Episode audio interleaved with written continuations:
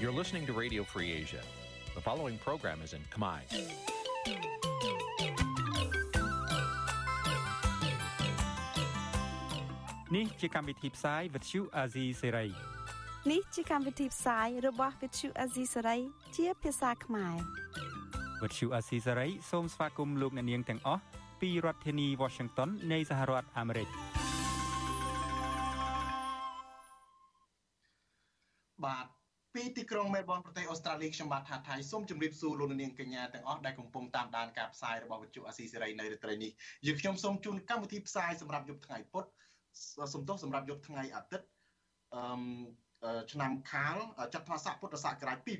2566ត្រូវនៅថ្ងៃទី25ខែធ្នូគ្រិស្តសករាជ2022បាទជាដំបូងនេះសូមអញ្ជើញលោកនាងស្ដាប់ព័ត៌មានប្រចាំថ្ងៃដែលមានមេត្តាដូចតទៅ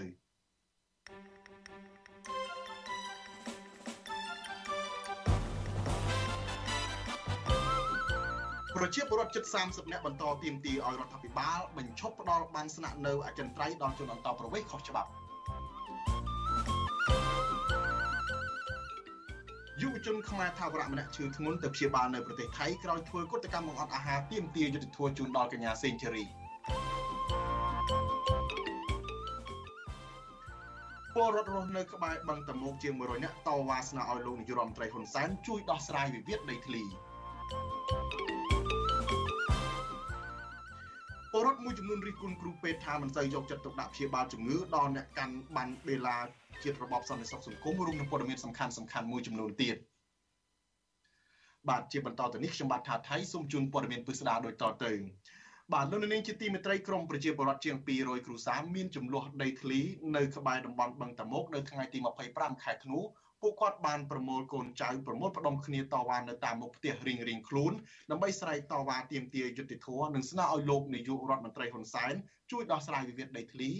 ដោយចេញប្លង់កម្មសិទ្ធិនិងកាត់ជ្រឿដីទំហំ5ហិកតាជូនដល់ពួកគាត់មន្ត្រីសង្គមស៊ីវិលស្នើដល់រដ្ឋាភិបាលពន្លឿនដោះស្រាយវិវាទដីធ្លីនេះដោយសន្តិវិធីជាងការបណ្ដេញជាជាងការបណ្ដេញប្រជាពលរដ្ឋទាំងបង្ខំនិងគ្មានផ្ដល់សំណងសមរម្យជូនពួកគាត់បានលោកនាងនឹងបានស្ដាប់សេចក្តីរាយការណ៍នេះពិស្ដារនៅពេលបន្តិចទៀត។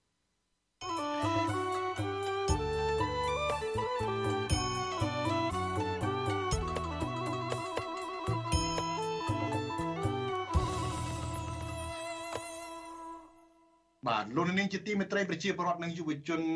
សកម្មចិត្ត30នាក់បន្តទាមទារឲ្យរដ្ឋាភិបាលបញ្ឈប់ផ្ដល់បានស្នាក់នៅអចិន្ត្រៃយ៍ដល់ជនអន្តោប្រវេសន៍ខុសច្បាប់និងមិនត្រូវបង្រៀនអក្សរសាស្ត្រវៀតណាម នៅសាកលវិទ្យាល័យភូមិន្ទភ្នំពេញនោះទេមន្ត្រីអង្គការសង្គមស៊ីវិលយល់ឃើញថាការទៀមទារបស់ក្រមប្រជាពលរដ្ឋទាំងនេះមិនមែនជាការរើសអើងជាតិសាសន៍នោះទេបាទលោកនាងក៏នឹងបានស្ដាប់សេចក្តីរាយការណ៍នេះពិស្ដានៅពេលបន្តិចទៀតដែរ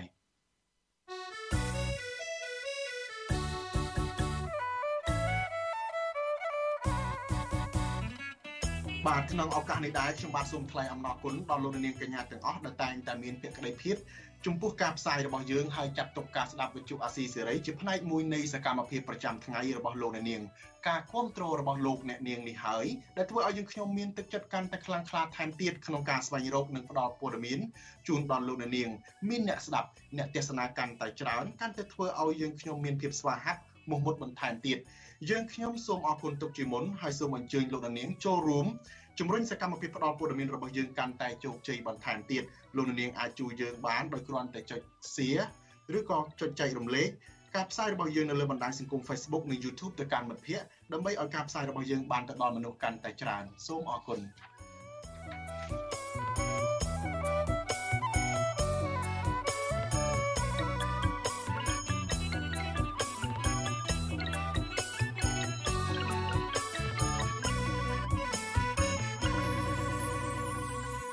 បាទឥឡូវនេះយើងងាកទៅមើលរឿងរ៉ាវដែលកើតឡើងនៅឯដែនដីកម្ពុជាមកក្រោមវិញម្ដងអាញាធរវៀតណាមបាននាំកងកម្លាំងប្រដាប់អាវុធជាង100នាក់ទៅឡោមព័ទ្ធវត្តមង្គលបុរីត្រនំសេកនៅខេត្តលង្ហោដែលវៀតណាមហៅថាខេត្តវិញឡុងក្នុងបំណងចាប់ប្រសង់ដែលតវ៉ាទាមទារដែលតវ៉ាប្រឆាំងមិនអោយអាញាធរវៀតណាមវាយកំទេចសាលាឆោទៀន ថ្មីថ្មីនេះបាទសាលាឆោទៀននេះវៀតណាមបានចេញលិខិតវាយកំទេចចំនួន3លើកមកហើយប៉ុន្តែត្រូវបានប្រសង់នឹងពលរដ្ឋខ្មែរក្រមមួយចំនួននាំគ្នាចេញតវ៉ាប្រឆាំងមិនអោយមានការវាយកំទេចនោះទេបាទលោកមានរិទ្ធរាយការណ៍ព័ត៌មាននេះកងកម្លាំងប្រដាប់អាវុធវៀតណាមជាង100នាក់កាលពីប្រលប់ថ្ងៃទី23ខែធ្នូបានឡំពាត់វត្តមង្គលបុរីទនុំសេកស្ថិតនៅក្នុងស្រុកប្រាសាទថ្មីខេត្តលង្ហោ ដើម្បីចាប់ព្រះសង្ឃខ្មែរក្រមដែលតែងតែប្រឆាំងមិនឲ្យវៀតណាមបំផ្លាញសាលាឆទានដែលទើបនឹងកសាងថ្មី សម្រាប់កូនចៅខ្មែរក្រមរៀនអក្សរខ្មែរនិងពលរដ្ឋប្រតិបត្តិជំនឿសាសនាព្រះសង្ឃគង់នៅវត្តមង្គលបរិយទនុំសេកជាសមាជិកព្រួយផ្ដើមកសាងសាលាឆទានព្រះភិក្ខុផេនចន្ទរា មានធរដីកាប្រវិសុស៊ីស្រីនៅយប់ថ្ងៃទី24ខែធ្នូថាអាញាធរវៀតណាមមិនពេញចិត្តទៅនឹងព្រះអង្គដែលតែងតែដឹកនាំពុទ្ធបរិស័ទកសាងសាលាឆទាននិងដឹកនាំខ្មែរក្រមរារាំងមិនអោយពួកគេរំលាយសាលាឆទានដែលទើបនឹងកសាងថ្មីនោះព្រះអង្គមានធរដីកាទៀតថាអាញាធរវៀតណាមចង់ចូលចាប់ព្រះអង្គនៅក្នុងវត្តតែព្រះសង្ឃនិងពុទ្ធបរិស័ទប្រមាណ40អង្គនឹងអ្នកបដិញ្ញាតស៊ូការពារព្រះអង្គទើបពួកគេដកថយទៅវិញ ថ្ងៃវិសិលតតាំងដែរក៏លើរដ្ឋអំណាចយើងប្រើពាក្យប្រមាថទៅបរិបប្រសងណាហើយប្រសងការពេលមិនឲ្យចូលក្នុងវត្តកាលណាបើឲ្យចូលក្នុងវត្តគឺយើងមិនអាចយើងទប់តកម្លាំងយ៉ាស់វត្តបានទេព្រោះយើងបានតែប្រមាណក្របហើយគ្នាវត្តប្រយមកណាយើងមិនអាចទប់តបានទេតែស្អាតក៏តែប្រើទ្រង់ព្រះសម្ដីប៉ុណ្ណឹងទេព្រោះក៏នៅខាងក្រៅទៅណាយើងនៅខាងក្នុងណាព្រោះចង់ចូលយើងមិនឲ្យវាចូលយើងនៅយើងរបងជុំវិញអស់តាំងវត្តហើយនឹងបាសាគុំកំរែងជាពិសេសបរិស័ទសាលាទាំងគុំកំរែងទៅចូលរួមណា ក្នុងពេលអាញាធរវៀតណាមប្រដាប់ដាវអាវុធជា100នាក់ព័ទ្ធជុំវិញវត្តបំណងទម្លុះរបងចូលចាប់ព្រះភិក្ខុផេនចន្ទរាព្រះសង្ឃក្នុងវត្តបានទុងស្គរវារកាំងសូត្រធัวដើម្បីផ្ដល់ដំណឹងដល់ពុទ្ធបរិស័ទដែលនៅឆ្ងាយពីវត្តប្រមាណ12គីឡូម៉ែត្រជាពិសេសពុទ្ធបរិស័ទនៅជុំវិញសាលាឆទានថ្មី នៅភូមិកនរែងឃុំកំពង់ស្រុកប្រាសាទថ្មីឲ្យមកជួយការពារព្រះសង្ឃនិងវត្តអារាមពេលបុរដ្ឋខ្មែរក្រៅមកជាច្រើនអ្នក ហើយពុះពៀការពារព្រះសង្ឃអាញាធរវៀតណាមក៏បានដកកងកម្លាំងត្រឡប់ទៅវិញស្រដៀងគ្នានេះដែរពលរដ្ឋខ្មែរក្រមម្នាក់ជាគណៈកម្មការកសាងសាលាឆទាននៅក្នុងស្រុកប្រាសាទថ្មីខេត្តលង្ហោលោកកឹមឃឹមប្រាប់ថាអាញាធរវៀតណាម បានចេញលិខិតអញ្ជើញដល់លោកនិងខ្មែរក្រម2នាក់ទៀតនិងព្រះសង្ឃឲ្យទៅចរចានៅសាលាឃុំជុំវិញរឿងកសាងសាលាឆទានថ្មីនេះកាលពីរសៀលថ្ងៃទី23ខែធ្នូ ក៏ប៉ុន្តែលោកនឹងខ្មែរក្រោមនិងព្រះសង្ឃមិនព្រមទៅលុះដល់ពេលប្រលប់អាញាធរវៀតណាមបាននាំកម្លាំងប្រដាប់អាវុធទៅប៉ុនប៉ងចាប់ព្រះសង្ឃនៅក្នុងវត្តមង្គលបុរីភ្នំសេកលោកបន្តថាពេលលោកឮដំណឹងថាអាញាធរវៀតណាមបានគ្រងមកចាប់ព្រះសង្ឃក៏លោកបបួលអ្នកភូមិឲ្យមកជួយព្រះសង្ឃលោកស្នើឲ្យអង្គការសិទ្ធិមនុស្សពិភពលោកជួយដល់ពលរដ្ឋខ្មែរក្រោមកុំឲ្យវៀតណាមរំលោភជំនឿសាសនានិងវាយកំទេចស្លាឆោទៀនរបស់ខ្មែរក្រោម សំណុំពរដល់អង្គការសិទ្ធិមនុស្សអន្តរជាតិណាដែលវៀតណាមដែលជាសមាជិកសិទ្ធិមនុស្សអន្តរជាតិមួយគឺថាសូមអង្គការសហប្រជាជាតិនឹងដាក់សម្ពាធលើរដ្ឋអំណាចយួននឹងបន្តិចគឺថាខ្លួនឯងទទួលនៅសិទ្ធិជាអ្នកទទួលយកនៅសិទ្ធិមនុស្សហេតុអ្វីមិនអនុវត្តក្នុងប្រទេសរបស់ខ្លួនណាសូមឲ្យសហគមន៍អន្តរជាតិនឹងបង្វែរផ្នែកឬចាត់ខុសនឹងមកសម្លឹងមើលពីការរំលោភសិទ្ធិរបស់រដ្ឋអំណាចយួនហ្នឹងណា វិសុវអាស៊ីស្រីមិនអាចតាក់ទងសំការអធិប្បាយជុំវិញរឿងនេះពីអាជ្ញាធរវៀតណាមនៅខេត្តលុងហោបាននៅឡើយទេនៅថ្ងៃទី25ខែធ្នូជុំវិញរឿងនេះដែរអគ្គលេខាធិការសមាគមខ្មែរកម្ពុជាក្រោមដើម្បីសិទ្ធិមនុស្សនិងអភិវឌ្ឍប្រចាំកម្ពុជា និងជាមេធាវីលោកសឿនជំជួន លើកឡើងថាអាញាធរវៀតណាមលើកកម្លាំងទៅពាត់ចាប់ព្រះសង្ឃទាំងយប់គឺជាទង្វើខុសច្បាប់វៀតណាម និងរំលោភសិទ្ធិពលរដ្ឋខ្មែរក្រោមព្រោះព្រះសង្ឃជាបុគ្គលដែលខ្មែរក្រោមលើកដំកើងលោកបន្តថាវៀតណាមគួរតែគោរពតាមច្បាប់សិទ្ធិមនុស្សអន្តរជាតិដែលខ្លួនទៅជាប់ជាសមាជិកអចិន្ត្រៃយ៍នៃក្រុមប្រឹក្សាសិទ្ធិមនុស្សរបស់អង្គការសហប្រជាជាតិខ្ញុំក៏សូមជំនុំពរដែរទៅដល់ខាងអាជ្ញាធរវៀតណាមដែលមានសមត្ថកិច្ចជាពិសេសដល់រដ្ឋាភិបាលវៀតណាមគួរតែណែនាំដល់សមត្ថកិច្ចរបស់ខ្លួនហ្នឹងគួរអនុវត្តឲ្យបានសមស្របទៅតាមគោលការណ៍សិទ្ធិមនុស្សសមស្របទៅតាមគោលការណ៍ច្បាប់របស់ខ្លួននេះជាដើមវាមិនអាចធ្វើការកំហែងឡងពេលដែលរដ្ឋជាសមាជិកហើយជារដ្ឋមួយដែលទើបទៅជាប់ឆ្នោតជាសមាជិករបស់ក្រុមប្រឹក្សាសិទ្ធិមនុស្សអង្គការសហប្រជាជាតិផងហើយបង្កើនឲ្យមានបញ្ហាហ្នឹងទៅខ្លួនគួរគួរគួរគួរតែគិតហើយគួរតែស្វែងយល់អំពីបញ្ហាហ្នឹងហើយ មេធាវីរូបនេះស្នើឲ្យអាជ្ញាធរវៀតណាមបញ្ឈប់ការធ្វើទុកបុកម្នេញលើពលរដ្ឋខ្មែរក្រោមទាំងជំនឿសាសនាសិទ្ធិបញ្ចេញមតិសិទ្ធិរៀនអក្សរខ្មែរនិងសិទ្ធិកាន់កាប់ដីធ្លីជាដើមលោកថាបើវៀតណាមនៅតែបំពេញនោះពលរដ្ឋខ្មែរក្រមអាចរាយការណ៍ទៅអង្គការសិទ្ធិមនុស្សពិភពលោកប្រចាំទីក្រុងព្រៃនគរបានគ្រប់ពេល កន្លងមកព្រះសង្ឃវត្តមង្គលបុរីទនុំសេកត្រូវបានអាជ្ញាធរវៀតណាមអុកលោកជាច្រើនលើកច្រើនសារដូចជាប៉ុនប៉ងកាប់ដើមកុកីមានអាយុជាង700ឆ្នាំផ្ទះកំភ្លៀងព្រះសង្ឃដែលរៀបរៀងមិនអោយកាប់ដើមកុកីព្យាយាមបំផ្លាញសាលាឆោទៀនថ្មីនិងចាប់ម៉ូតូកង់3រៀបរៀងមិនអោយព្រះសង្ឃនិមន្តបិណ្ឌបាតជាដើមខ្ញុំបានមេរិត Visual C សេរីរាយការណ៍ពីរដ្ឋធានី Washington បាទលោកនាងជាទីមេត្រីយុវជនខ្មែរថាវរៈម្នាក់បានធ្លាក់ខ្លួនឈឺធ្ងន់រហូតទៅព្យាបាលជំងឺនៅឯប្រទេសថៃបន្ទាប់ពីគាត់បានចូលរួមធ្វើកោតកម្មបង្អត់អាហារទាមទារឲ្យមានការដោះលែងកញ្ញាសេងធីរីនិងអ្នកនិងសកម្មជននយោបាយមួយចំនួនទៀតដែលរដ្ឋាភិបាលបានចាប់ឃុំខ្លួនដោយសារតែមូលហេតុនយោបាយមន្ត្រីសង្គមស៊ីវិលយល់ថាយុវជនរូបនេះដែលធ្លាក់ខ្លួនឈឺគឺជាអ្នកដែលបានចូលរួមលះបង់ធ្ងន់ធ្ងរឲ្យរដ្ឋាភិបាល គួរតែស្ដារប្រជាធិបតេយ្យនិងការគោរពសិទ្ធិមនុស្សឡើងវិញបាទលោកជីវិតារាយការណ៍ព័ត៌មាននេះសមាជិកយុវជនខ្មែរថាវរៈលោកស្វាយសំណាង ដែលសកម្មក្នុងការចេញមុខតវ៉ារឿងអយុត្តិធម៌នៅក្នុងសង្គមបានធ្លាក់ខ្លួនឈឺបន្ទាប់ពីធ្វើកតកម្មបង្អត់អាហារដោយសន្តិវិធីយុវជនរូបនេះបានទៅដល់ប្រទេសថៃដើម្បីព្យាបាលជំងឺហើយនៅថ្ងៃទី25ធ្នូយុវជនស្វាយសំណាង ប្រវិទ្យុអាស៊ីសេរីថា ចាប់តាំងពីលោកដួលសន្លប់នៅនឹងកន្លែងធ្វើកតកម្មបន្ទាប់ពីមិនហូបអាហារជិតមួយសប្តាហ៍មក សុខភាពរបស់លោកចាប់ផ្ដើមចុះខ្សោយកម្លាំងដោយក្អួតចង្អោរឈឺក្បាល និងចុកចាប់ខ្លាំងត្រង់ក្រពះជាប្រចាំលោកបន្តថាមូលហេតុដែលលោកសម្រេចចិត្តធ្វើដំណើរមកព្យាបាលជំងឺនៅប្រទេសថៃពេលនេះដោយសារកន្លងមកលោកបានពិគ្រោះយោបល់និងទទួលបានការព្យាបាលពីគ្រូពេទ្យជំនាញក្នុងស្រុកជាហូហែដែរ តែអាការៈជំងឺរបស់លោកនៅតែមិនជាសះស្បើយហើយស្ថានភាពជំងឺកាន់តែធ្វើទុក្ខធ្ងន់ទៀតផងយុវជនស្វាយសំណាងឲ្យដឹងទៀតថាប្រាក់ដែលលោកយកមកព្យាបាលជំងឺនេះបានមកពីការខ្ចីបុលពីអ្នកស្គាល់គ្នា តែបើតាមជីវភាពគ្រួសាររបស់លោកពុំមានលទ្ធភាពចំណាយច្រើនលើថ្លៃព្យាបាល ការធ្វើដំណើរការហូបចុកនិងការស្នាក់នៅក្រៅប្រទេសបែបនេះទេ មកនេះខ្ញុំធ្វើការបង្អត់អាហារធ្វើកតកម្មបង្អត់អាហារដើម្បីទាមទារឲ្យមានការដោះលែងកញ្ញាសេងធីរីឲ្យនៅនៅឃុំនោះ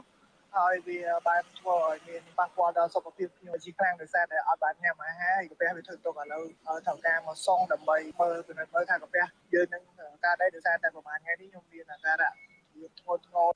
លោកស្វាយសំណាងបន្តថាទោះបីពេលនេះលោកធ្លាក់ខ្លួនឈឺដោយសារអត់អាហារ និងកំពុងសម្រាកព្យាបាលក៏ដោយក៏ក្រុមយុវជនខ្មែរថាវរៈមិនបោះបង់ការស្នើសុំឲ្យមានការដោះលែងកញ្ញាសេងធីរី និងអ្នកទោសមនសិការដែរលោកបន្ថែមថាក្រមយុវជនបានបដិញ្ញាចិត្តតាំងពីដំបូងមកថាប្រសិនបើរដ្ឋាភិបាលនៅតែគ្មានការឆ្លើយតបវិជ្ជមានណាមួយនោះទេក្រមយុវជននឹងរៀបចំយុទ្ធនាការឬកតកម្មអហិង្សាជាបន្តទៀតដើម្បីផ្ញើសារដល់រដ្ឋាភិបាលឲ្យងាកមកពិចារណា ដោះលែងសកម្មជនសិទ្ធិមនុស្សនិងអ្នកនយោបាយឲ្យមានសេរីភាពឡើងវិញ កាលពីខែវិច្ឆិកា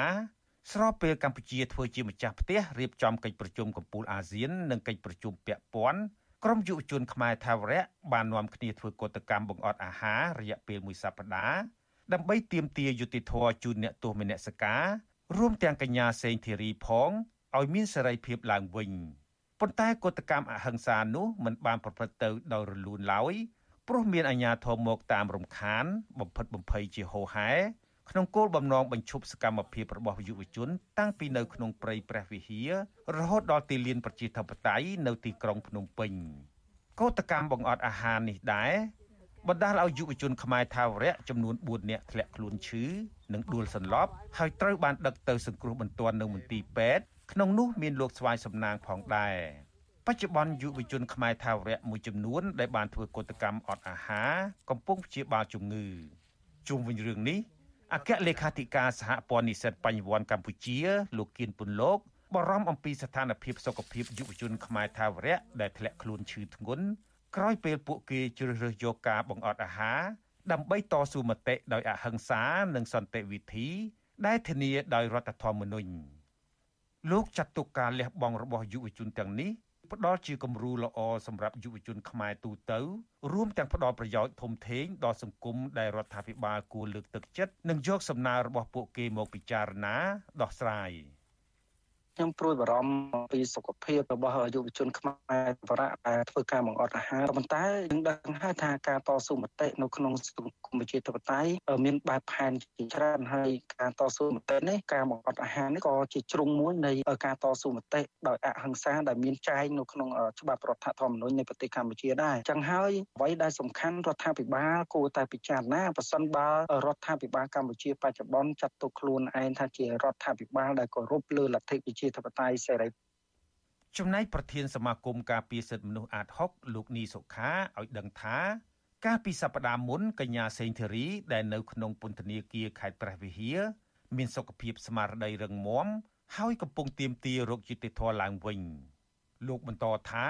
បច្ចុប្បន្នមេធាវីរបស់កញ្ញាសេងធីរី បានដាក់ពាក្យប្តឹងទៅសាលាឧទ្ធររួចរាល់ហើយហើយក៏គ្រោងដាក់លិខិតទៅក្រសួងមហាផ្ទៃសារជាថ្មី ដើម្បីស្នើផ្ទេរកញ្ញាសេងធីរីមកកាន់ពន្ធនាគារព្រៃសរនៅរាជធានីភ្នំពេញវិញដើម្បីឲ្យក្រុមគ្រួសារនិងមិត្តភ័ក្តិព្រមទាំងមេធាវីងាយស្រួលក្នុងការចូលជួបទោះជាយ៉ាងណា លោកមើលឃើញថាសិទ្ធិរបស់កញ្ញាសេងធីរីនៅក្នុងពន្ធនាគារកំពុងរងការរឹតបន្តឹងពីសំណាក់អាជ្ញាធរនិងតុលាការនៅតែ ទទូចស្នើឲ្យទី1គឺមានការស្នើសុំដូរទីតាំងឃុំខ្លួនដើម្បីបានមកនៅចិត្តនៅក្រុមគ្រួសារក៏ដូចជាសាច់ញាតិមិត្តភ័ក្តិអីដើម្បីចូលសួរសុខទុក្ខហើយទី2ការចាប់ខ្លួនឃុំខ្លួនគាត់ហ្នឹងចំហគាត់នៅតែគាត់យល់ថាវាជារឿងមិនយុត្តិធម៌ទេបាទគឺថាគាត់មិនបានប្រព្រឹត្តអីខុសទេការដែលយកគាត់ទៅឃុំខ្លួននេះគឺវាជារឿងមួយដែលរំលោភទៅលើសិទ្ធិសេរីភាពរបស់គាត់ សមត្ថកិច្ចក្រុងភ្នំពេញបានចាប់ខ្លួនកញ្ញាសេងធីរី កាលពីថ្ងៃទី14ខែមិថុនានៅមុខតុលាការក្រុងភ្នំពេញក្រោយពីតុលាការប្រកាសសាលក្រមកាត់ទោសឲ្យកញ្ញាជាប់ពន្ធនាគារចំនួន6ឆ្នាំពីបទរួមគំនិតក្បត់ក្នុងសំណុំរឿងវិលចូលស្រុករបស់លោកសំរងស៊ីកាលពីឆ្នាំ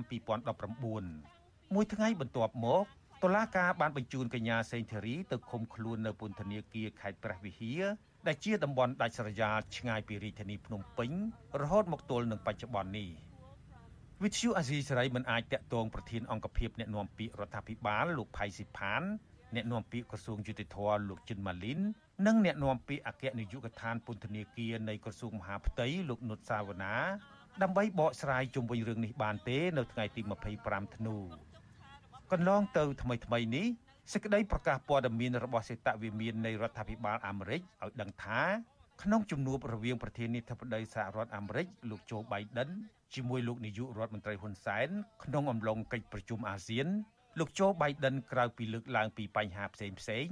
លោកក៏បានស្នើដល់រដ្ឋាភិបាលលោកហ៊ុនសែនឲ្យដោះលែងអ្នកទោសនយោបាយ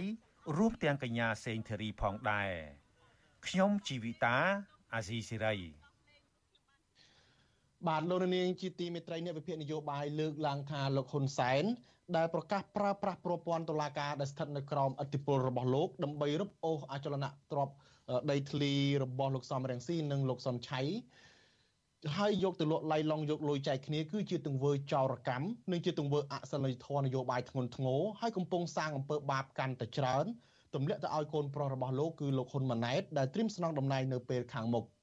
ទាក់ទងនឹងរឿងនេះយើងមាននឹងមានបទសម្ភាសពិសេសមួយជាមួយនឹងអ្នកវិភាគនយោបាយនៅពេលបន្តិចទៀតដើម្បីឲ្យលោកបកស្រាយថាតើហេតុអ្វីលោកហ៊ុនសែនប្រើវិធីរົບអូសទ្រព្យសម្បត្តិរបស់អ្នកនយោបាយបកជំទាស់ហើយវិធីនេះអាចបំបត្តិសម្លេងរបស់អ្នកប្រជាធិបតេយ្យបានដែរឬទេបាទយើងនឹងមានបទសម្ភាសនៅពេលបន្តិចទៀតសូមលោករនាងរងចាំទស្សនាបទសម្ភាសនេះកុំបីខានសូមអរគុណ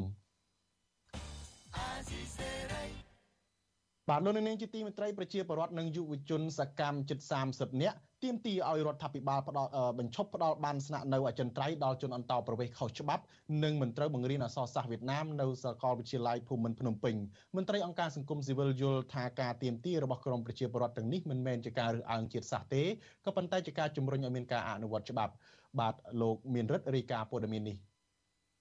ក្រមប្រជាពលរដ្ឋសកម្មជិត30នាក់ បន្តទៀមទានៅទីលានប្រជាធិបតេយ្យក្នុងក្រុងភ្នំពេញនៅថ្ងៃទី25ខែធ្នូឲ្យរដ្ឋាភិបាល បញ្ឈប់ការផ្ដាល់បានស្នាក់នៅអចិន្ត្រៃយ៍ដល់ជនអន្តោប្រវេសន៍ខុសច្បាប់និងកុំឲ្យក្រសួងអប់រំបង្រៀនអក្សរសាស្ត្រវៀតណាមនៅតាមសាកលវិទ្យាល័យ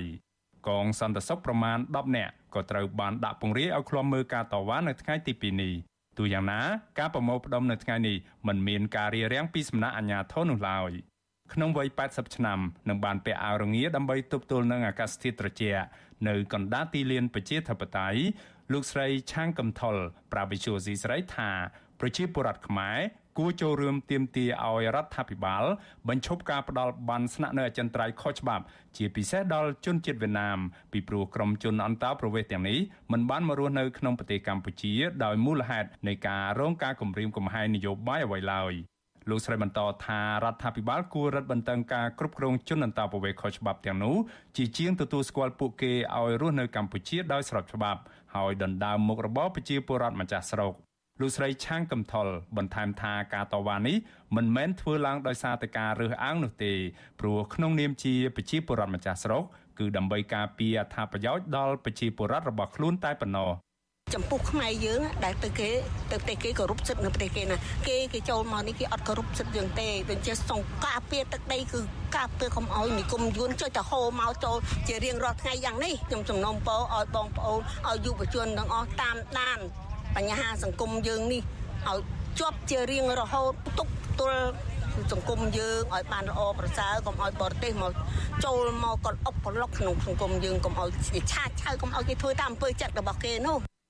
យុវជនម្នាក់ដែលស្ម័គ្រចិត្តមកចូលរួមការតវ៉ានេះគឺលោកសាក់លីហួរយល់ឃើញថាការតវ៉ារបស់ក្រមប្រជាពលរដ្ឋនេះមិនមាននានាការរើសអើងជាតិសាសន៍ណាមួយនោះឡើយក៏ប៉ុន្តែគឺជាការប្រុងប្រយ័ត្នបង្ការកុំឲ្យមានចំនួនជាតិសាសន៍ទៅវិញទេ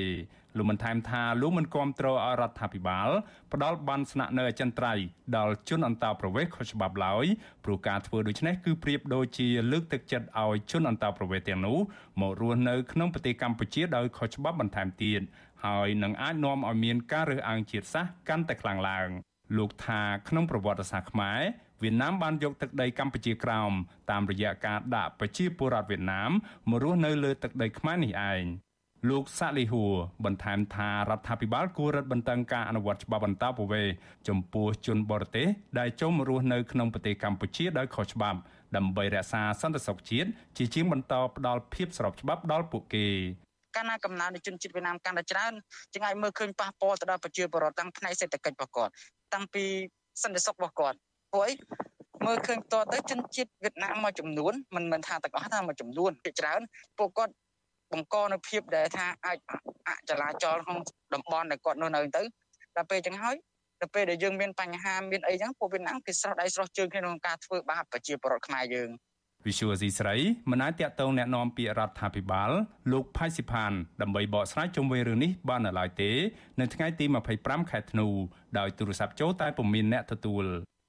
ជុំវិញរឿងនេះដែរអ្នកនាំពាក្យសមាគមការពារសិទ្ធិមនុស្សអាត់ហុក លោកសឹងសានករណាគាំទ្រចំពោះការស្នើឲ្យរដ្ឋាភិបាលបញ្ឈប់ការផ្ដាល់បានស្នាក់នៅអចិន្ត្រៃយ៍ដល់ជនអន្តោប្រវេសន៍ខុសច្បាប់ព្រោះលោកថាការទៀមទាទាំងនេះធ្វើឡើងនៅក្នុងន័យស្នេហាជាតិតែប៉ុណ្ណោះលោកបានថែមថារដ្ឋាភិបាលនៃប្រទេសនីមួយៗតែងតែបង្កើតគោលនយោបាយការពារអត្ថប្រយោជន៍ពលរដ្ឋម្ចាស់ប្រទេសរៀងៗខ្លួន ដើម្បីកុំឲ្យជនបរទេសមកដណ្ដើមមុខរបររកស៊ី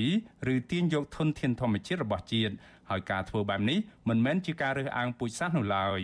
លោកសង្សានករណាបន្ថែមថាការអនុវត្តច្បាប់អន្តោប្រវេសន៍ឲ្យបានតឹងរឹងមិនមែនជាការរំលោភសិទ្ធិមនុស្សនោះទេក៏ប៉ុន្តែផ្ទុយទៅវិញវាគឺជាការលើកកម្ពស់ការគោរពសិទ្ធិមនុស្សព្រោះនៅពេលរដ្ឋាភិបាលអាចគ្រប់គ្រងជនអន្តោប្រវេសន៍ខុសច្បាប់បាននោះការនេះអាចនឹងកាត់បន្ថយអំពើពុករលួយ និងបទល្មើសជួញដូរមនុស្សឬបទល្មើសផ្សេងៗបានទៅវិញទេ មិនតែប្រទេសយើងទេអ្នកប្រទេសណាក៏ដោយឲ្យតែគេមានដែនអធិបតេយ្យភាពមានឯករាជ្យភាពប្រទេសគេត្រឹមត្រូវគេមានការប្រុងប្រយ័ត្នណាស់អំពីការហូរចូលនៃជនអន្តោប្រវេសន៍នេះប៉ុន្តែបើចូលដោយភាពស្របច្បាប់អានឹងมันមានជាបញ្ហាអ្វីនោះទេទៅទៅវិញត្រូវការពារគេឲ្យគេមាននៅសុវត្ថិភាព ការប្រមូលផ្ដុំរបស់ប្រជាពលរដ្ឋទាមទារឲ្យរដ្ឋាភិបាលបញ្ឈប់ការផ្ដាល់បានស្នាក់នៅអចិន្ត្រៃយ៍នេះត្រូវបានអាក់ខានទៅវិញមិនបានធ្វើចាប់តាំងពីថ្ងៃទី7ខែតុលាដោយយុវជន Tel Thailand ដែលជាអ្នកដឹកនាំការប្រមូលផ្ដុំតវ៉ានេះត្រូវបានសមត្ថកិច្ចកម្ពុជាចាប់ខ្លួន កាលពីថ្ងៃទី4ខែតុលាហើយតុលាការខេត្តកណ្ដាលបានឃុំខ្លួនលោកជាបណ្ដោះអាសន្ននៅពន្ធនាគារខេត្តនេះ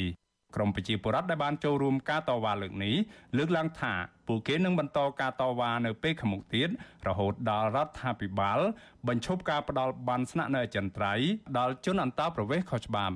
ខ្ញុំបានមេរិត Visual C ស្រីរាយការណ៍ពីរដ្ឋធានី Washington បាទលោកនាងជាទីមេត្រីយើងទៅមើលការតវ៉ារបស់ប្រជាពលរដ្ឋនៅតំបន់បឹងតមោកវិញម្ដងប្រជាពលរដ្ឋប្រមាណ100នាក់តំណាងឲ្យពលរដ្ឋជាង200គ្រួសាររស់នៅក្បែរបឹងតមោកស្ថិតនៅភូមិសំរោងត្បូងសង្កាត់សំរោងខេត្តខណ្ឌព្រែកភ្នៅបាននាំគ្នាទាំងកូនទាំងចាស់ទាំងក្មេងតវ៉ាលើកបដារូបថតលោកហ៊ុនសែនដោយមានបដាសរសេរថាអគុណសន្តិភាព នៅមុខផ្ទះពួកគាត់ដើម្បីស្នើឲ្យប្រមុខដឹកនាំរូបនេះ កាត់ជ្រៀតដីចំនួន5ហិកតាជូនពួកគាត់និងធ្វើប្លង់កម្មសិទ្ធិសិភៅស្នាក់នៅដើម្បីធានាថាគ្មានការបណ្តេញពួកគាត់ចេញពីលំនៅឋានទាំងបង្ខំអ្នកភូមិព្រួយបារម្ភថាការដែលអាជ្ញាធរនិងរដ្ឋាភិបាលចេញប្លង់កម្មសិទ្ធិដីធ្លីអឺស្នើសុំរដ្ឋាភិបាលចេញប្លង់កម្មសិទ្ធិដីធ្លីនេះគឺខ្លាចអាជ្ញាធរគម្រាមកំហែងពួកគាត់ឲ្យរុះរើផ្ទះសម្បែងទៅរស់នៅលើដីថ្មីដែលគ្មានមុខរបរដែលអាជ្ញាធរបានរៀបចំរួចទុកជាស្រេចជូនពួកគាត់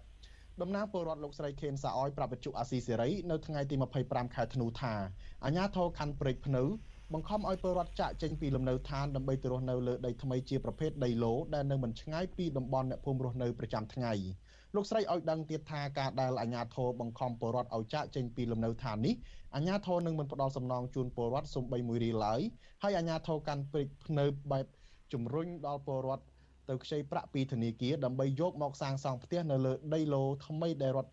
បានរៀបចំជូនពលរដ្ឋលោកស្រីចាត់ទុកទង្វើបែបនេះថាជារឿងអយុត្តិធម៌និងធ្វើឲ្យប្រជាពលរដ្ឋកាន់តែក្រីក្រត្បិតពួកគាត់បានមកតាំងទីលំនៅឋាននៅតំបន់បឹងតមោកតាំងពីឆ្នាំ1990ពោលតាំងពីគ្មានការអភិវឌ្ឍមកម្លេះ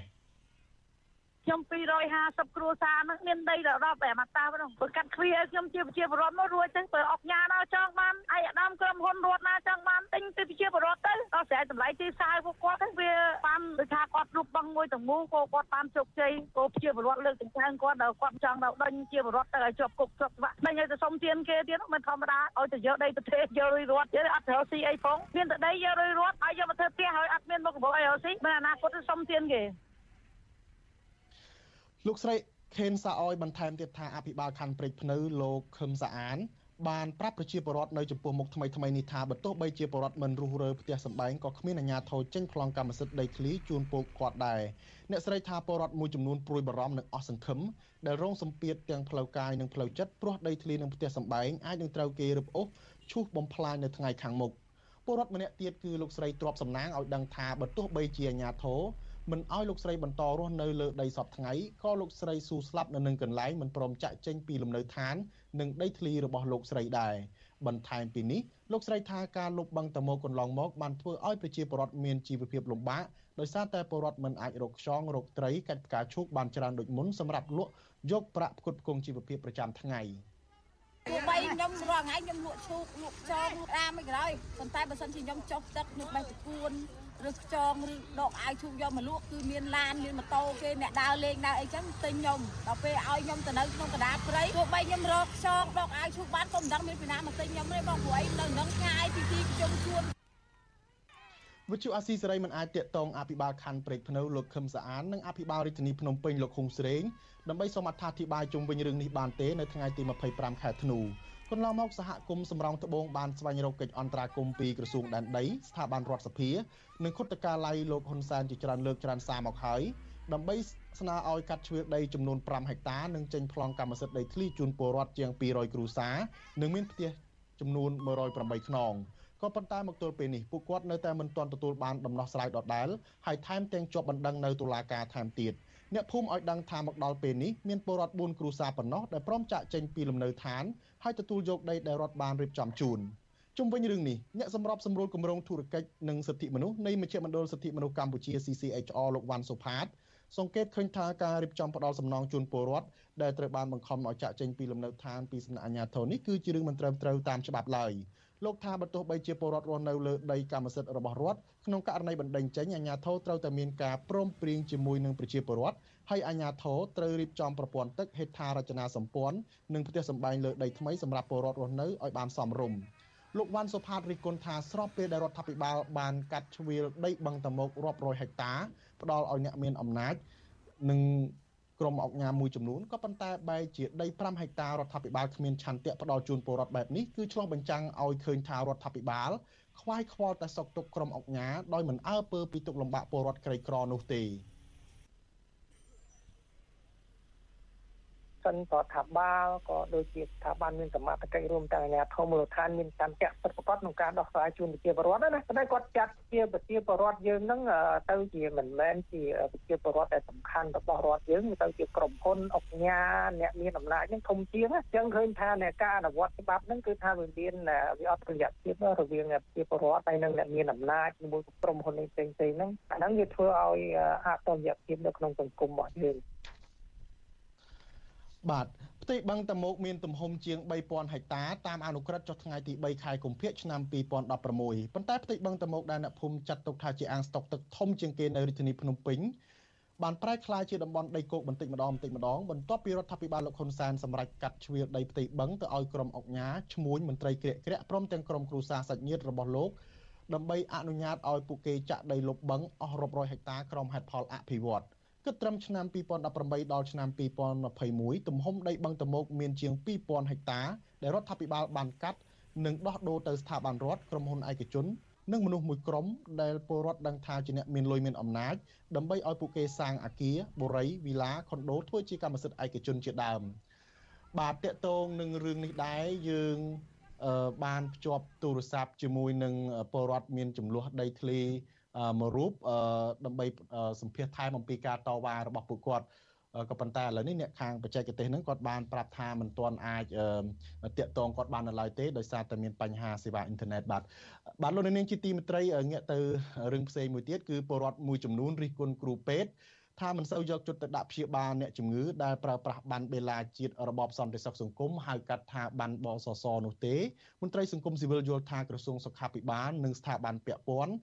គួរតែមានវិធានការចុះពិនិត្យនិងដោះស្រាយបញ្ហានេះដើម្បីផលប្រយោជន៍ប្រជាពលរដ្ឋនិងអាយុជីវិតរបស់ប្រជាពលរដ្ឋបាទលោកនាងនឹងបានស្ដាប់សេចក្តីរាយការណ៍នេះនៅពេលព្រឹកស្អែក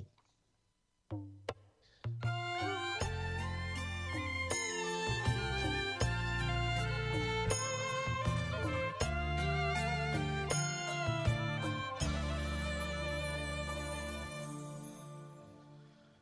បាទលោកនាងជាទីមេត្រីស្ត្រីមួយចំនួននៅឃុំប៉ោយចាស្រុកភ្នំស្រុកខេត្តបន្ទាយមានជ័យបដិញ្ញារក្សាអាជីវកម្មដំបានសូត្រលក្ខណៈគ្រួសារដើម្បីរកប្រាក់ចំណូលបន្ថែមដោះស្រាយជីវភាពបើទោះបីជាតម្លៃទីផ្សារសូត្រមិនសូវបានថ្លៃក៏ដោយពលរដ្ឋថាវិស័យដំបានសូត្រនេះសឹងតែបាត់បង់ទាំងស្រុងនៅក្នុងអំឡុងវិបត្តិជំងឺ Covid-19 ដែលធ្វើឲ្យទីផ្សារជាប់គាំងគ្មានឈ្មួញមកទិញបាទលោកនៅវណ្ណរិនរាយការណ៍ព័ត៌មាននេះដោយមានវីដេអូជូនលោកនាង។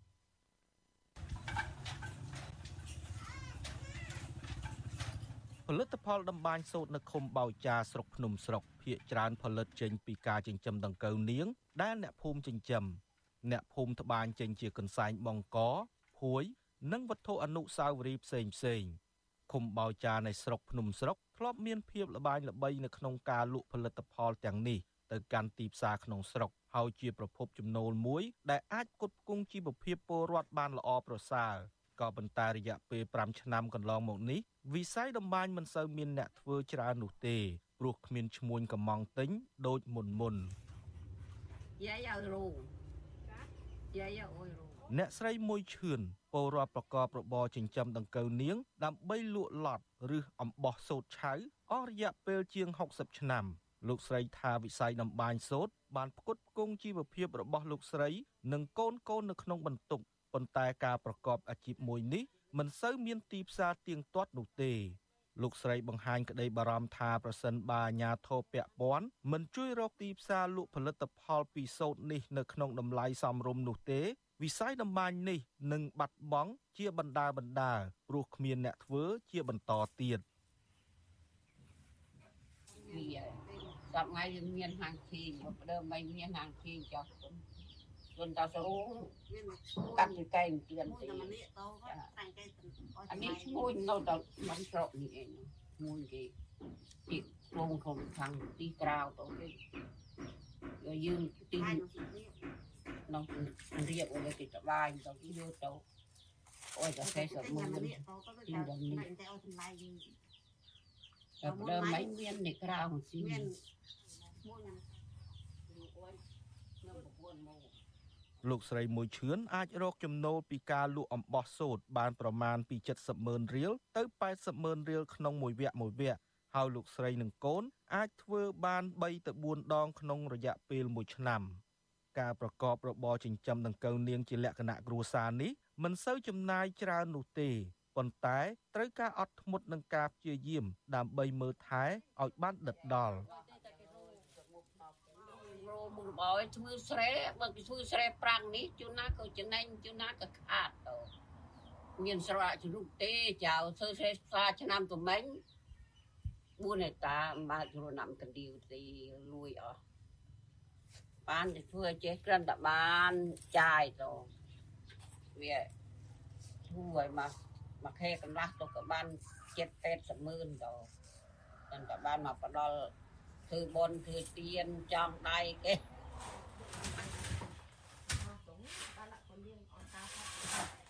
ពលរដ្ឋម្នាក់ទៀតគឺលោកស្រីលីភៀវឲ្យដឹងថាឆ្នាំនេះគ្រួសារលោកស្រីក៏រកប្រាក់ចំណូលមិនបានច្រើនដូចឆ្នាំមុនមុននោះទេដោយសារតែកូននឹងកូវនាងងាប់អស់ពាក់កណ្ដាលព្រោះអាកាសធាតុមិនសូវល្អ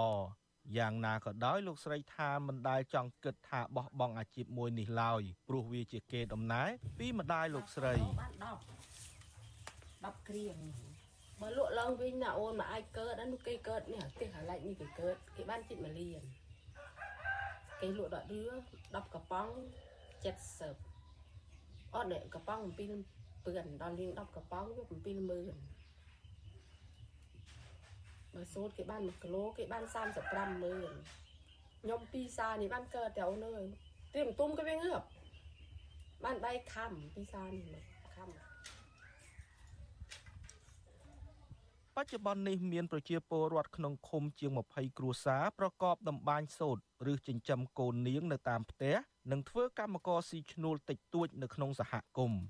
មេឃុំប៉ោចាលោកយុទ្ធខួនថាអាញាធមមិនទាន់មានដំណោះស្រាយណាមួយនៅក្នុងការជួយរកទីផ្សារនាំចេញផលិតផលសូត្រឲ្យបានច្រើនដូចមុននៅឡើយនោះទេ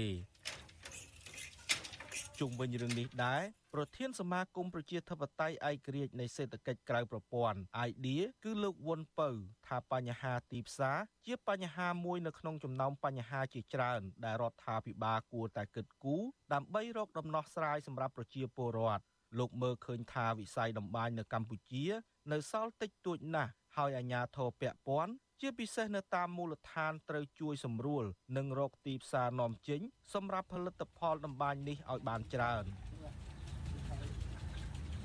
ជំវិញបញ្ហាទាំងអស់នេះទី1គឺ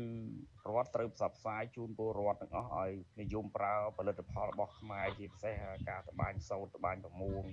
ត្បាញអីដែលជារបស់ខ្មែរទី1ទី2រដ្ឋត្រូវរកទីផ្សារ លក់ទៅអន្តរជាតិឲ្យបានទូលាយដើម្បីជា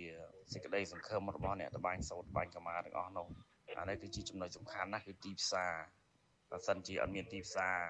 រដ្ឋមិនជួយរកទេអានឹងគឺអត់អាចទៅរួចទេ សំខាន់គឺទួនាទីអាជ្ញាធររដ្ឋក្រសួងពាណិជ្ជកម្មក្រសួងអីហ្នឹងត្រូវគិតគូរមែនតើរឿងទីផ្សារជូនពលរដ្ឋមិនអត់ធ្វើអីសោះនោះទេ របាយការណ៍របស់សមាគមសិប្បករកម្ពុជា កាលពីឆ្នាំ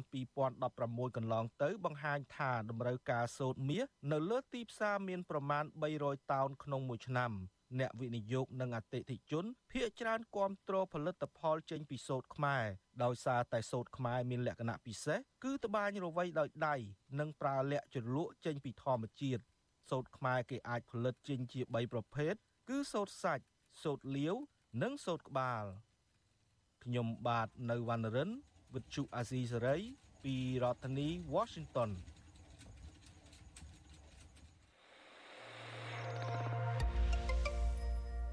បាទលោកនាងជាទីមេត្រីនៃវិភាគនយោបាយលើកឡើងថាលោកហ៊ុនសែនប្រកាសប្រាប់ប្រព័ន្ធតុលាការដែលស្ថិតនៅក្រោមអធិបតេយ្យរបស់លោកដើម្បីរឹបអូសអចលនៈទ្រព្យដីធ្លីលោកសំរងស៊ីនិងលោកសុនឆៃហើយយកទៅលក់ឡៃឡង់ចែកលុយគ្នា គឺជាអំពើចោរកម្មនិងជាទង្វើនយោបាយអសិលធម៌ធ្ងន់ធ្ងរហើយកំពុងសាងបាបកម្មកាន់តែច្រើនទម្លាក់ទៅឲ្យកូនប្រុសរបស់លោកគឺលោកហ៊ុនម៉ាណែតដែលត្រៀមនឹងស្នងតំណែងនៅពេលខាងមុខបាទតកតនៅរឿងនេះយើងបានភ្ជាប់វីដេអូ Skype ជាមួយនឹងអ្នកវិភាគនយោបាយគឺលោកកឹមសុខដើម្បីឲ្យលោកផ្ដល់ការវិភាគថាតើមូលហេតុអ្វីបានជាលោកហ៊ុនសែនជ្រើសរើសវិធីរឹបអូសទ្រព្យសម្បត្តិរបស់អ្នកនយោបាយបកជំទាស់ជាបន្តបន្ទាប់ដោយគ្មានការដកថយបាទសូមជម្រាបសួរលោកកឹមសុខបាទ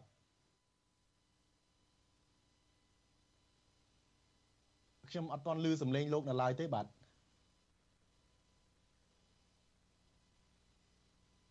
បាទអឺបាទសូមជម្រាបសួរបាទបាទអរគុណបាទឃើញលោកបានចូលរួមហើយអឺនៅក្នុងពិធីបុណ្យគ្រីស្មាស់នេះលោកអញ្ជើញបានទៅណាដែរទេបាទដោយសារតែនៅប្រទេសរបស់លោកតែជាមានការប្រារព្ធពិធីបុណ្យធំដុំដែរពិធីនេះបាទខ្ញុំអត់មានតណាទេនៅផ្ទះជាមួយកូនបាទ បាទបាទអរគុណច្រើនដែលបានចូលរួមហើយចំណាយពេលវេលាផ្ដល់បទសម្ភាសន៍ឲ្យអាស៊ីសេរីនៅរាត្រីនេះបាទបាទអឺប្រហែលជាលោកបានជ្រាបហើយថាការពីថ្ងៃទី22ធ្នូនឹងគឺថាលោកនាយករដ្ឋមន្ត្រីហ៊ុនសែនបានប្រកាសបន្តប្រើប្រាស់ប្រព័ន្ធច្បាប់ដែលគេមើលឃើញថាស្ថិតនៅក្រោមឥទ្ធិពលរបស់លោកដើម្បីរំពោះទ្រព្យសម្បត្តិរបស់លោកសំរងស៊ីនិងលោកសុនឆៃដើម្បីដែលលោកថាការធ្វើបែបនេះគឺដើម្បីកុំឲ្យមានការរិះគន់ទៅដល់ការដឹកនាំឬក៏គណៈបករបស់លោកជាបន្តទៀតបាទអឺ ឥឡូវនេះមុននឹងផ្ដល់បទសម្ភាសមុននឹងចាប់ផ្ដើមសំណួរជាមួយលោកខ្ញុំចាប់សូមចាក់សម្លេងរបស់លោកហ៊ុនសែនបន្តិចសិនបាទសូមស្ដាប់ប្រសាសន៍របស់លោកនាយរដ្ឋមន្ត្រីដូចតទៅហើយស្នាក់ការរបស់ឯងលក់បាត់ហើយបើស្នាក់ការដីរបស់ឯងលក់ឯងខ្វះទៀតខ្វះទៀតលក់បាត់ហើយបកែហើយតាមមើលទៀតអាណាត្រូវឆ្លសំជំងឺចិត្តអីយ៉ាងម៉េចត្រូវសងខ្ញុំបាន7សែនដែរព្រោះខ្ញុំទាមួយលានឥឡូវនៅជំពាក់ខ្ញុំ3សែនទៀតតាទាព្រោះអាហ្នឹង សម្ដេចកលាហោមបានដូចជា3សែនដែរបាន3សែននេះសម្ដេច3សែនហើយ2សែននេះគាត់ថាឥឡូវកំពុងគិតតែគាត់ធ្វើឲ្យបងហេងកំមិនបានប្រមាណដែរហើយរដ្ឋបានប្រមាណហើយប្រមាណហើយទេអារឿងហ្នឹងត្រូវតែធ្វើហើយដើរបរិហាគេគឺត្រូវទឹកជាជំងឺចិត្តវាជារឿងធម្មតារឿងធម្មតាមើលប្រវត្តិវប្បធម៌ហើយទៅក្រោយបោះឆ្នោតឯងខ្លាយទៅជាចោលរហូតឥឡូវហ្នឹងអាអ្នកដែលចោតគឺថាជាចោលហ្នឹងត្រូវតែសងជំងឺចិត្តអ្នក ដែលត្រូវអ្នកឯងចោតគឺសងជំងឺចិត្តមិនជាសិទ្ធិមកចេញប្រទេសនេះអញ្ចឹងគណៈបព្វជិជនជាចោលមកជីវិតទៅបបាត់អានឹងមួយចោលគឺថាបោះឆ្នោតនៅតំណឹងបោះពីព្រឹកម៉ោង7ព្រឹកម៉ោងពេលចូលបោះម៉ោង3ល្ងាចបិទរួចហើយរត់ត្រឡប់ឆ្នោតជាមួយគ្នាហើយបើថាឯងចោលលួចត្រឡប់ឆ្នោតអញ្ចឹងបើចោលរហូតហើយអាណានិយាយចោលគឺថាប្តឹងអាហ្នឹងប្តឹងអាហ្នឹងអត់មានទុកគេពីថ្ងៃនេះទៅ លេងអាហ្នឹងហ្មងបាទ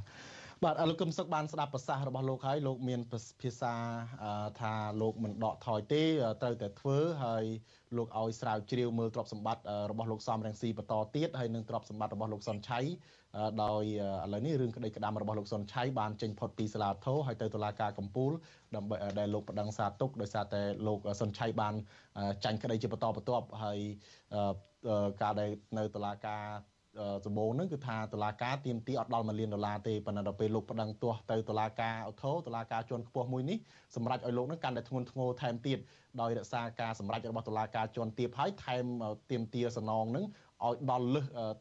ដល់1លានដុល្លារហើយឥឡូវនេះលោកប្តឹងទៅតុលាការកំពូលហើយលោកសំរងស៊ីហ្នឹងអឺ យើងដឹងហើយរឿងក្តីក្តាំរឿងក្តីក្តាំរបស់លោកសុនឆៃហ្នឹងគឺថាផ្ដើមចេញពីការរិះគន់តកតនឹងភាពមិនប្រក្រតីនៃការបោះឆ្នោតហើយការដែលលោកសុនឆៃរិះគន់នេះគឺធ្វើឡើងអំឡុងពេលដែលគោចបតទុកពេលឲ្យមានឲ្យគណៈបកនយោបាយហ្នឹងគឺថាតវ៉ាតកតងទៅនឹងលទ្ធផលឆ្នោតដែលខ្លួនឯងមិនពេញចិត្តនៅពេលដែលលោកសុនឆៃលើកឡើងតវ៉ាហ្នឹងក៏ស្រាប់តែមានពាក្យបណ្ដឹងនេះទៅចំណែកឯរឿងក្តីក្តាំរបស់លោកសំរងស៊ីហ្នឹងគឺថា មានរឿងច្រើនណាស់ដែលតុលាការកាត់ឲ្យលោកចាញ់ក្តីនឹងជាបន្តបន្ទាប់សំណុំរឿងទៅនោះនឹងមានដូចជាករណីលោកសំរងដូចជាករណីលោកសំរងស៊ីរងការចោទថាសំទោសឲ្យប្តឹងទៀតសំណុំរឿងទៅនោះមានដូចជាករណីលោកហ៊ុនសែននឹងប្តឹងទាមទារសំណងជំងឺចិត្តពីលោកសំរងស៊ីនឹងដោយសារតែលោកសំរងស៊ីចោទថាតុលាការក្នុងរបបលោកហេងសំរិនបានកាត់ទោសព្រះបាទ នរោត្តមសីហនុពីបទក្បត់ជាតិការចោទលោកហ៊ុនសែនថាទិញ like ពី Facebook និងការដែលជួលអតីតសកម្មជនបកប្រឆាំងម្នាក់ឈ្មោះធីសវណ្ណថាឲ្យវាប្រហារគណៈបកសង្គ្រោះជាតិការចោទលោកសខេងកំពុងរៀបចំផែនការទម្លាក់លោកហ៊ុនសែននិងការអំពាវនាវឲ្យកងទ័ពនឹងគុំស្ដាប់បញ្ជាជនបដិការអីជាដើមដោយសារតែការចោទនេះឲ្យធ្វើឲ្យលោកសំរងស៊ីនឹងត្រូវលោកហ៊ុនសែនរឹបអូសផ្ទះរឹបអូសដីធ្លី ហើយថែមទាំងកាត់ទោសឲ្យលោកនឹងជាប់ពន្ធនាគារនឹងរាប់សិបឆ្នាំថែមទៀតឥឡូវនេះគឺថាដល់មកជីវិតតែម្ដងលោកគុំសុកថាតើលោកយល់យ៉ាងម៉េចនៅពេលដែលអ្នកនយោបាយបកជំទាស់គ្រាន់តែបញ្ចេញមតិប៉ុណ្ណឹងហើយបែរជាទីបំផុតទៅលោកហ៊ុនសែនបែរជារឹបអូសទ្រព្យសម្បត្តិរបស់គេយកទាំងអស់តែម្ដងណាតើតើលោកយល់មិនដែរបាទមើលជាក់ស្ដែងចំណាត់ការរបស់លោកហ៊ុនសែនលើលោកសំរាំងស៊ីនេះ មែនតែនទៅ គឺជាការប្លន់អំណាចរបស់សមរាំងស៊ីដែលប្រជាពលរដ្ឋបោះឆ្នោតឲ្យផងប្លន់សិទ្ធិរបស់សមរាំងស៊ីដែលត្រូវជាគូប្រកួតចូលប្រជែងបោះឆ្នោតទល់នឹងលោកនាយករដ្ឋមន្ត្រីហ៊ុនសែនផងហើយដែលប្រើហេតុផលនយោបាយប្លន់ទាំងទ្រព្យសម្បត្តិរបស់គេទៀត ទង្វើបែបនេះខ្ញុំមើលឃើញថាជារឿងឧបទ្រពខ្លាំងណាស់សម្រាប់លោកហ៊ុនសែនដែលឆ្លើយតបទៅនឹងគូប្រជែងរបស់ខ្លួនណាចំណុចទី2ខ្ញុំគិតថាចំណាត់ការរបស់លោកហ៊ុនសែនលើលោកសំរាំងស៊ីនេះវាហួសពីរឿងគ្មានគុណធម៌គ្មានសិលធម៌ហើយក៏ហួសអំពីការគំរាមកំហែង ទៅដល់គណៈបកភ្លើងទៀនក៏ប៉ុន្តែវាគឺជានយោបាយកំតិចបែបគំនុំសងសឹកតែម្ដងគឺលោកហ៊ុនសែនគុំលោកសំរាំងស៊ីកំតិចលោកសំរាំងស៊ីហើយយកគណៈបកភ្លើងទៀនជាឧបករណ៍ជះកំហឹងរបស់គាត់បាទអឺអឺ ការរឹបអូសទ្រព្យសម្បត្តិនេះបើយើងមើលទៅក្នុងសម័យខ្មែរក្រហមក៏មិនសូវជាខុសពីសម័យខ្មែរក្រហមដែរគឺថារឹបអូសដីធ្លីទ្រព្យសម្បត្តិអីទាំងអស់ហ្នឹងគឺអឺអឺយកទៅប៉ុន្តែនៅក្នុងសម័យខ្មែរក្រហមហាក់ដូចជាយកទៅនឹងគេចែកគ្នាទៅជាប្រយោជន៍រួមអីចឹងទៅប៉ុន្តែលោកហ៊ុនសែនកន្លងមកក៏ធ្លាប់ដែរថានឹងយកទីទ្រព្យសម្បត្តិរបស់លោកសំរងស៊ីឬក៏ទីស្នាក់ការរបស់គណៈបកសង្គ្រោះជាតិនឹង អឺយកទៅដើម្បីឲ្យដំបងថាធ្វើជាមណ្ឌលក្មេងកុមារកំព្រាទេប៉ុន្តែទីបំផុតលោកយកលុយចែកគ្នាវិញបាទអឺលោកគុណសុកតើតើលោកយល់បែបណាដែលដែលលោកហ៊ុនសែននឹងគាត់ចិត្តប្រគល់អំណាចទៅឲ្យកូនប្រុសច្បងរបស់លោកហើយបែរជាលោកនៅតែបន្តប្រព្រឹត្ត រឿងនយោបាយដែលគេមើលឃើញថាជាអំពើអាក្រក់អំពើខូខើអំពើចោរកម្មអីបែបនេះអីចឹងហើយលោកក៏បានប្រសាសន៍ដែរថាជាអំពើមួយដែលកំសាកហើយសាងបាបកម្មនឹងទៅឲ្យកូនប្រុសរបស់គាត់តើលោកមានយោបល់បែបណាបន្ថែមទៀតចំណាត់ការរបស់លោកហ៊ុនសែនលើលោកសំរាំងស៊ីនេះខ្ញុំពិនិត្យមើលទៅសូម្បីតែពួកកុម្មុយនីស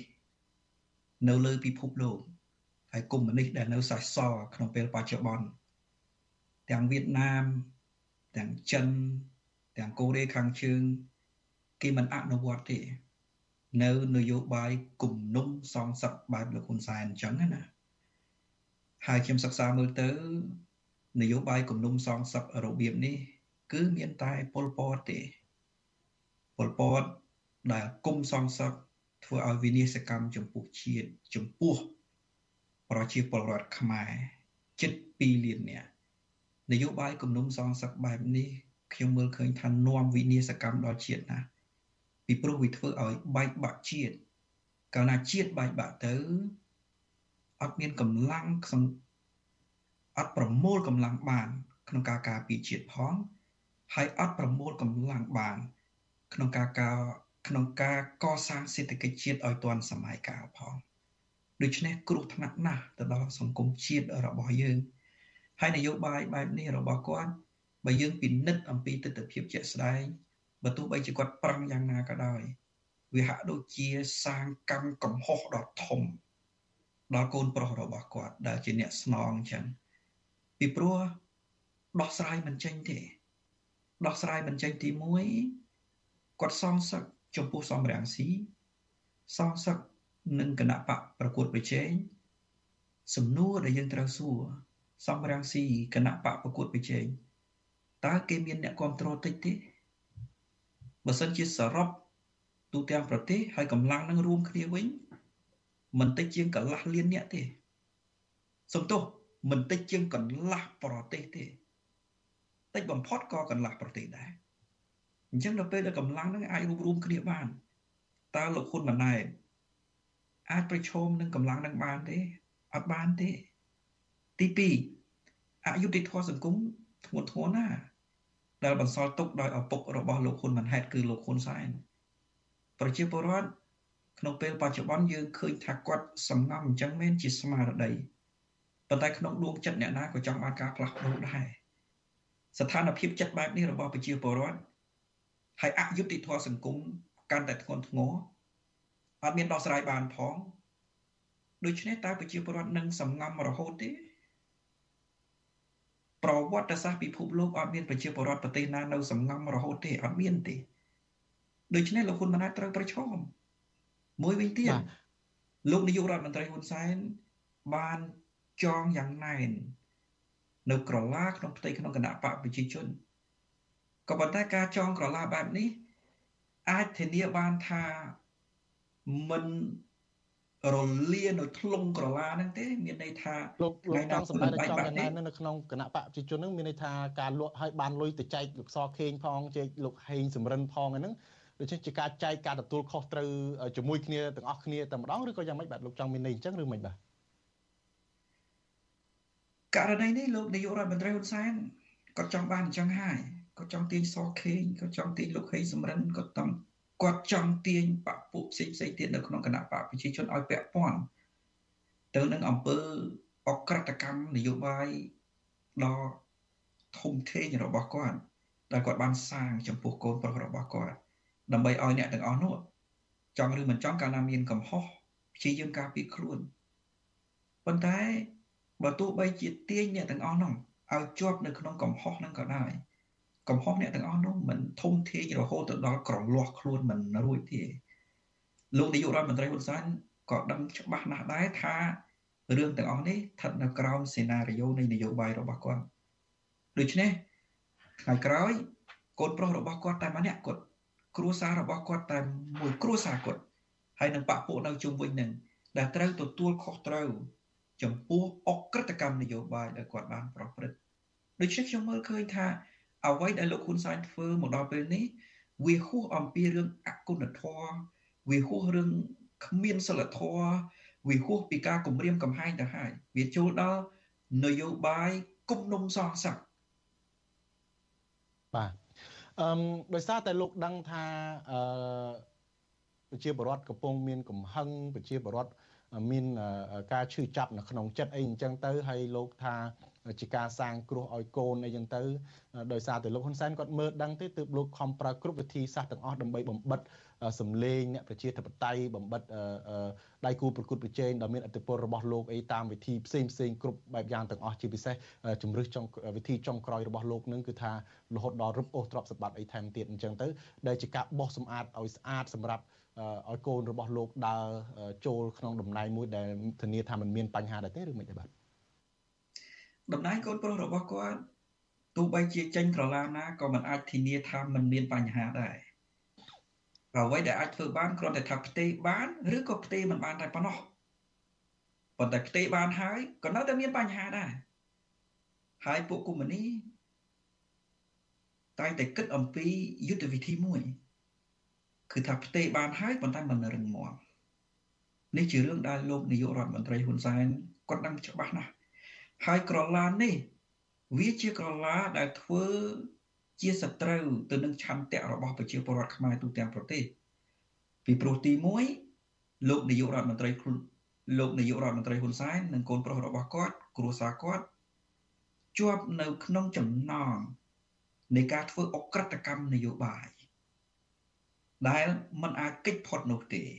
ហើយទី2គាត់ជាប់នៅក្នុងចំណង ដែលរឿងខ្លួនមិនរួចពីចៅហ្វាយចាស់របស់គាត់គឺវៀតណាមដែលមានចារកម្មពេញនៅក្នុងផ្ទៃក្នុងរដ្ឋាភិបាលរបស់លោកហ៊ុនសែនលោកហ៊ុនសែនគាត់ដឹងច្បាស់ណាស់ថាបើទោះបីជាគាត់រើក្រឡាណាផ្លូវណាក៏រើមិនរួចពីការដោះទាល់នៅបញ្ហានោះដែរគ្រាន់តែថាឈរជើងនឹងបានយូរប៉ុណ្ណាតែប៉ុណ្ណោះហើយឈរជើងនឹងបានយូរប៉ុណ្ណា វាស្ថិតនៅលើកម្លាំងប្រតិកម្មកម្លាំងប្រតិកម្មពីគណៈបកប្រឆាំងកម្លាំងប្រតិកម្មពីប្រជាពលរដ្ឋកម្លាំងប្រតិកម្មពីសហគមន៍អន្តរជាតិ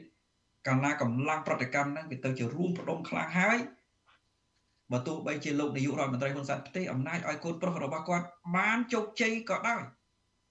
ក៏ប៉ុន្តែមិនធានាបាននៅស្ថិរភាពអំណាចទេ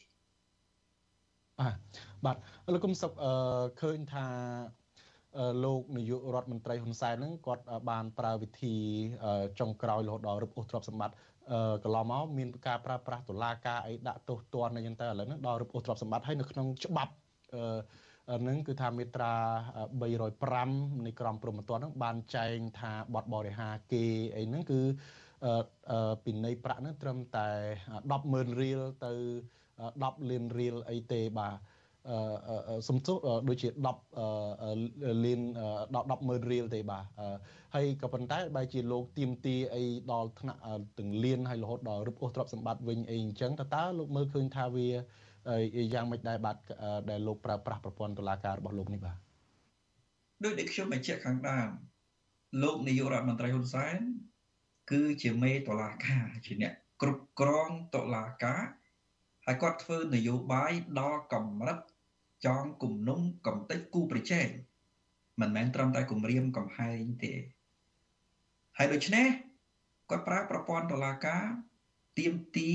តាមកំហឹងចិត្តរបស់គាត់มันផ្អែកទៅលើគោលគុណធម៌នយោបាយมันផ្អែកទៅលើគោលសិលធម៌នយោបាយមិនផ្អែកទៅលើគោលប្រតិបត្តិនៃការប្រកួតប្រជែងនយោបាយជាមួយនឹងគូប្រជែងទេប៉ុន្តែគាត់ផ្អែកទៅលើ ទំហំនៃគំនុំក្នុងចិត្តរបស់គាត់អញ្ចឹងគាត់ចាត់វិធានការដោយប្រើឈ្មោះតុលាការតាមវិធីត្រួតត្រាតុលាការរឿងបរិហាគេនេះណានៅប្រទេសណាក៏វាមានដែរនៅអឺរ៉ុបក៏មានដែរប៉ុន្តែអ្នកនយោបាយនៅអឺរ៉ុបកម្រផ្ដាំផ្ដោតគ្នាណាប៉ុន្តែប្រសិនបើគេផ្ដាំផ្ដោតគ្នាណា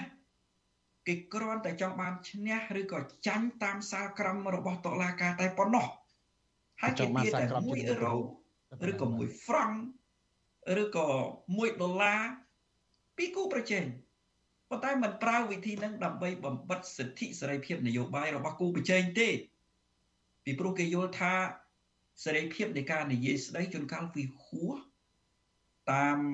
ទំនោរអារម្មណ៍មួយផ្លេតមួយផ្លេតក៏ប៉ុន្តែជួនកាលក៏វាមានចេតនាប្រសិនបើគេគិតឃើញថាជាចេតនាទៅគេផ្ដាំ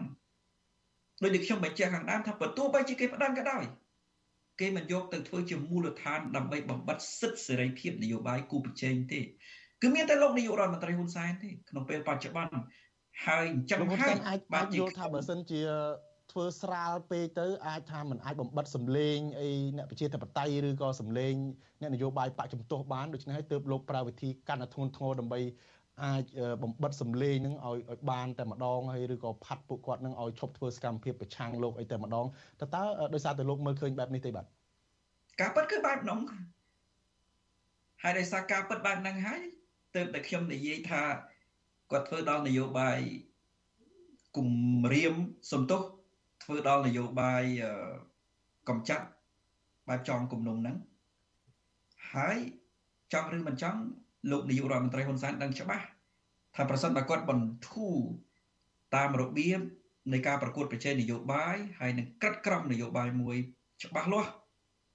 អំណាចរបស់ពួកគាត់ក្រុមគ្រួសារគាត់មិនអាចរក្សាស្ថិរភាពបានទេអញ្ចឹងហើយក្នុងពេលបច្ចុប្បន្ននៅពេលដែលគាត់ប្រើយុទ្ធវិធីនយោបាយកំតិចសំរាំងស៊ីតាមវិធីគុំគួនឬក៏គំនុំបែបបុគ្គល គាត់នឹងសំរាំងស៊ីខ្ញុំមិនបកស្រាយទេរឿងគាត់គុំគួនយ៉ាងម៉េចជារឿងរបស់គាត់គ្រាន់តែបញ្ជាក់ថាគំនុំនយោបាយបែបនេះវាអត់ត្រឹមត្រូវហើយដោយសារតែរបៀបកំតិចនិងគុំគួននយោបាយបែបហ្នឹងហើយទៅលោកហ៊ុនសែនជ្រុលខ្លួន ប្រើគ្រប់មធ្យោបាយទាំងអស់ដោយអត់ខ្វល់អំពីគុណធម៌ផ្លូវច្បាប់ទេបាទ លោកកឹមសុខតើតើអ្នកនយោបាយប្រជាធិបតេយ្យអ្នកនយោបាយបកជំទាស់ហ្នឹងគាត់គូធ្វើបែបណាដែរជាយោបល់របស់លោកដើម្បីឲ្យគេចផុតពីអន្ទាក់របស់លោកហ៊ុនសែនបាទខ្ញុំយល់ឃើញថាក្នុងដំណាក់កាលនេះដើរក្រឡាណាក៏ក្នុងអន្ទាក់របស់លោកហ៊ុនសែនដែរគឺមានអន្ទាក់របស់លោកហ៊ុនសែនទៅទាំងអស់ហ្នឹងគ្រាន់តែថាអន្ទាក់ហ្នឹងវិញ្ញិតឬក៏វាមិនញឹកតែប៉ុណ្្នឹងទេហើយជាទស្សនៈរបស់ខ្ញុំ ខ្ញុំគិតថាមកដល់ពេលនេះអ្នកនយោបាយដែលមាននិន្នាការប្រជាធិបតេយ្យទាំងអស់គួរធ្វើនយោបាយដោយកុំខ្លាចលោកនាយករដ្ឋមន្ត្រីហ៊ុនសែនរំលាយគណៈបកនយោបាយទើបអាចតទល់នឹងលោកនាយករដ្ឋមន្ត្រីហ៊ុនសែនបានមានន័យថាគំនុំគ្នានៅលឹកលខ្លាចលោកនាយករដ្ឋមន្ត្រីហ៊ុនសែនរំលាយគណៈបកនយោបាយប៉ុន្តែរឿងដែលត្រូវធ្វើគឺអ្នកដែលមាននិន្នាការប្រជាធិបតេយ្យទាំងអស់គួរ